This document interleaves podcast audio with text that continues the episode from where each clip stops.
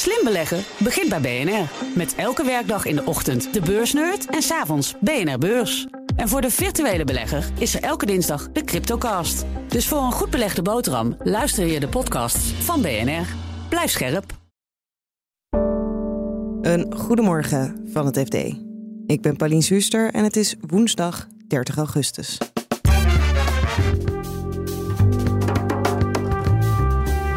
Het demissionair kabinet zoekt in het begrotingsoverleg naar miljarden voor armoedebeleid. Een, een nog spannender punt dan eh, hoeveel geld je gaat uitgeven, van waar hij het vandaan. Von der Leyen ziet in Wopke Hoekstra de nieuwe klimaatcommissaris. Ze is ervan overtuigd dat hij uh, de juiste uh, internationale ervaring heeft. Dus uh, de kogel is door de kerk wat dat betreft. En een Oostenrijkse claimstichting eist 14 miljoen euro van ING. Dit is de dagkoers van het FD. We beginnen bij betaalverwerker Payvision. Die ligt al jaren onder vuur van EFRI, een Oostenrijkse claimstichting. Die stichting eist nu 14 miljoen euro van moederbedrijf ING. Want volgens de stichting zou Payvision nalatig zijn geweest bij klantcontroles. Je hoort onderzoeksjournalist Gabi de Groot. Ja, dat is een beetje een uh, ingewikkeld verhaal. Uh, want uh, nou ja, Payvision is niet, is niet direct betrokken maar meer indirect als facilitator, zou zeggen. In ieder geval deze gedupeerde. Er is een, een grote internationale fraudezaak. Die gaat over handel in binaire opties. Maar goed, dat bleken uiteindelijk gewoon oplichters te zijn. En die hebben voor honderden miljoenen mensen opgelicht. En uh, zijn daarvoor ook voor veroordeeld. Er zijn twee hoofdrolspelers die zijn daarvoor in Wenen uh, veroordeeld. Ja, dat, dat, dat is Evry op het spoor gekomen. En uh, toen zij gaan graven in die handel, in die binaire opties en de transacties zijn gevolgen, hè, follow the money uh, in dit geval. Toen kwamen ze bij Payvision uit, want wat deed Payvision? Die heeft een groot deel van die transacties, uh, van die gedupeerden, dus de betalingen aan die oplichters, is via rekeningen van Payvision gegaan. Want zij zijn betaalverwerker. Of zij waren, waren, ja, zij waren een betaalverwerker. Want sinds 2021 eh, hebben ze geen activiteiten meer. Ze hebben onderhandeld ooit met ING over om te schikken hierover. Ja, vorig jaar uh, is dat uh, gebeurd. En waarschijnlijk al eerder, uh, want zo lang zijn ze al bezig. En nou ja, vorig jaar heeft de claimstichting de stekker eruit getrokken. Want zij vonden dat ze nou, niet genoeg kregen. En uh, nou ja, nu zijn ze maar een, uh, een claimzaak begonnen. En hebben ze dagvaardingen uitgestuurd. En maandag kwam deze claimzaak aan het licht tijdens een kort geding van Evri. Waar ging dat over, dat kort geding? Ja, het was een kort geding niet tegen ING of Payvision. Uh, maar er was een kort geding tegen de Nederlandse bank. Die de toezichthouder is van Payvision. En wat zij eisten bij de rechter is uh, inzage in een rapport dat DNB in 2020 heeft gemaakt over Payvision. Dat rapport hebben wij als uh, FD toevallig al ingezien, hebben wij vorig jaar ook over gepubliceerd. En uh, ja, dat is een vernietigend rapport over ja, de handel en wandel van Payvision omtrent ja, deze internationale fraudezaak. Dat waren natuurlijk klanten van Payvision.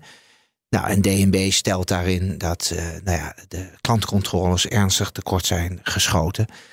Uh, en dat het zelfs uh, wetten moedwillig zijn overtreden. Dus dat zijn echt ferme uitspraken van, van DNB. En we hebben die conclusies gepubliceerd. En ja, zij, willen graag dat hele rapport ook hebben of inzien. Zodat ze dat kunnen gebruiken voor deze claimzaak tegen Payvision en ING. DNB wil dat niet zomaar geven. Nee, DNB wil dat zeker niet zomaar geven. Want ja, DNB uh, openbaart nooit iets. Ja, toezicht, vertrouwelijkheid noemen ze dat. Dus ja, ik, ik, ik, ik geef ze ook uh, bijzonder weinig kansen in de, in de rechtszaak. En hoe gaat dit nu verder?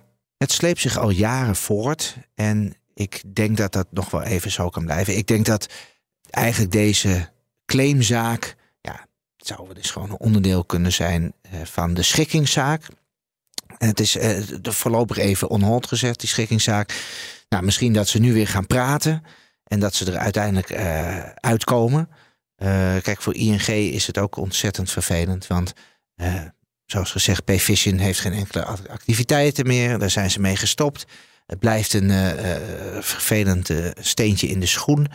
En ja, daar willen ze denk ik ook wel een keer van af. En ze eisen, de slachtoffers of de gedupeerde eisen 14 miljoen. Nou, dat is voor ING niet heel erg veel, gezien de winsten van de afgelopen maanden.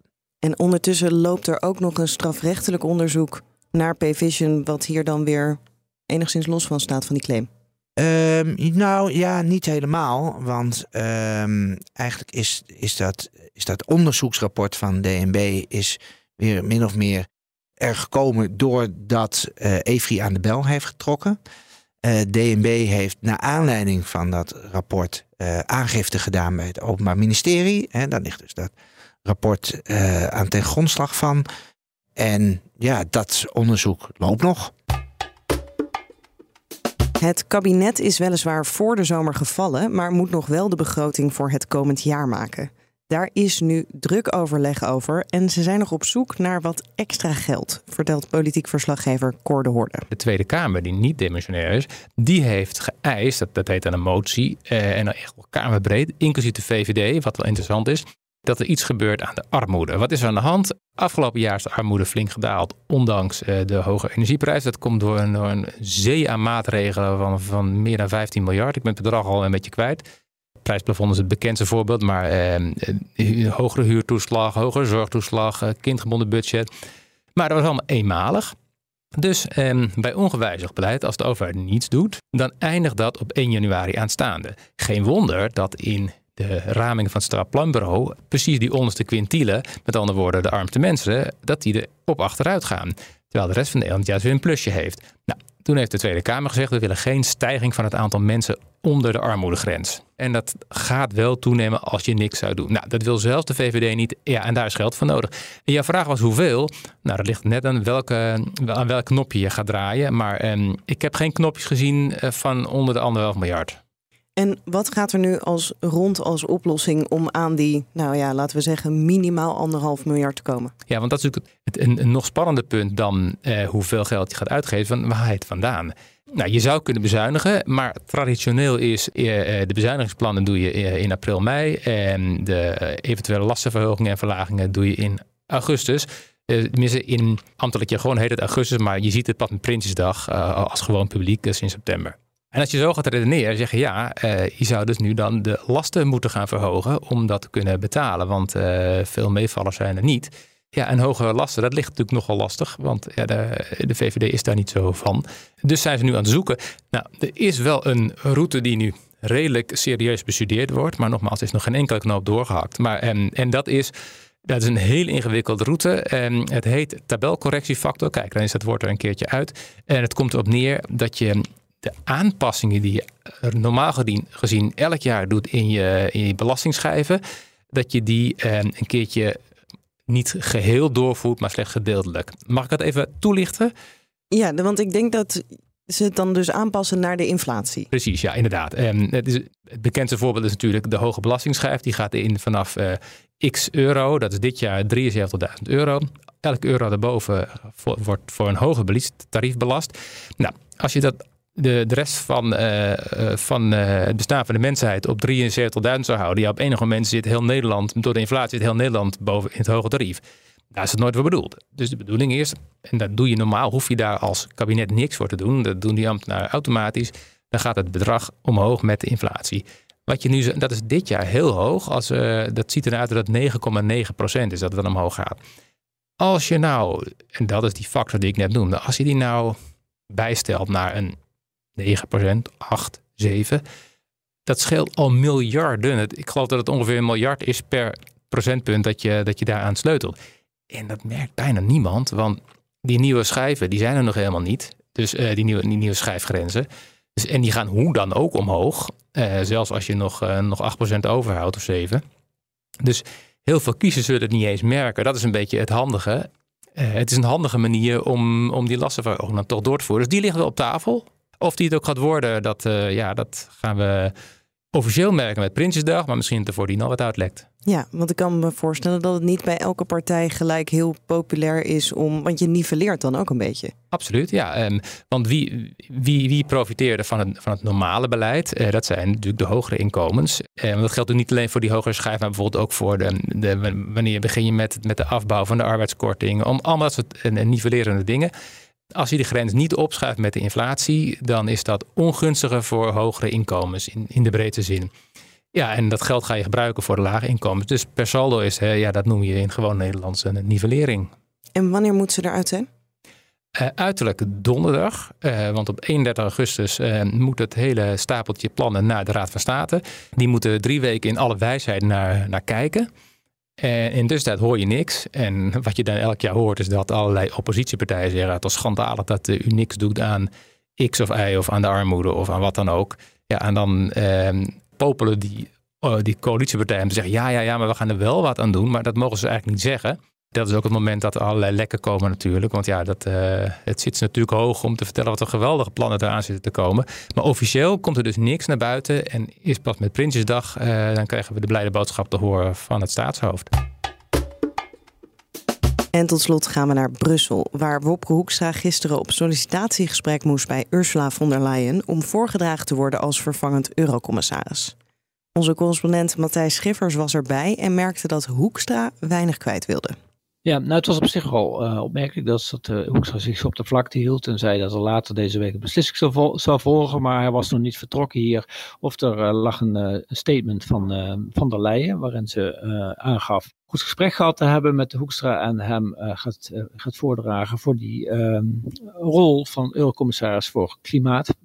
Ze is ervan overtuigd dat hij uh, de juiste uh, internationale ervaring heeft en, uh, en een hart voor de zaak en commitment, et cetera. Um, dus de kogel is door de kerk wat dat betreft. En de kritiek die hier en ook al wel een beetje vanuit Brussel klonk over of hij nou wel het juiste profiel heeft, daar werd niks over gezegd. Nee, daar uh, heeft Van der Leyen zich niet over uitgelaten. Maar dat is natuurlijk wel kritiek die zal gaan uh, weer klinken straks in het Europarlement. Dat nu met Hoekstra in gesprek moet en dat uiteindelijk een hoorzitting zal organiseren om Hoekstra te ondervragen over zijn, eh, zijn, zijn, plannen met die klimaatportefeuille, et cetera. En in het Europarlement zijn vooral de linkse partijen niet zo gelukkig met deze uh, nominatie. Dus daar zal uh, het gesprek toch echt wat inhoudelijker worden. En, en, en Hoekstra heeft nu dus nog even de tijd om zich flink vast te gaan bijten in die klimaatportefeuille en alle wetenswaardigheden die daarbij horen. Kunnen ze het echt tegenhouden, het Europees Parlement, mocht er nou genoeg oppositie zijn? Uh, formeel niet, want ze hebben uh, slechts een adviserende rol. Maar ja, Ursula van der Leyen zal een negatief advies toch heel moeilijk naast zich neer kunnen leggen. Nou mm, is de vraag of het zover komt hoor. Ik bedoel, er is veel weerstand. Uh, de Sociaaldemocraten zijn vooral niet erg gelukkig met het feit dat klimaat, wat ze toch een beetje als hun kindje beschouwen, nu in de handen gaat komen van een christendemocraat.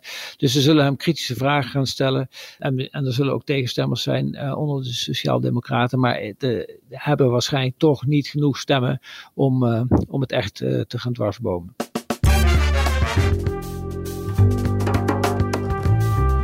Dit was de dagkoers van het FD. Morgenochtend zijn we er weer met een nieuwe aflevering. Wil je die automatisch binnenkrijgen? Abonneer je dan op Dagkoers in je podcast-app. En wil je het laatste financieel-economisch nieuws volgen? Ga dan naar fd.nl. Nog een hele fijne dag en graag tot morgen.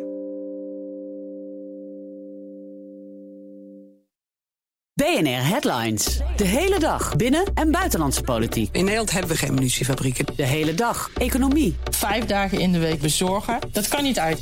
De hele dag technologie. Amerikanen weer op de maan. Heb je eigenlijk geen tijd, maar wil je toch op de hoogte blijven? BNR Headlines. Het laatste nieuws, maar dan in het kort. Ga naar je podcast-app en abonneer je op BNR Headlines.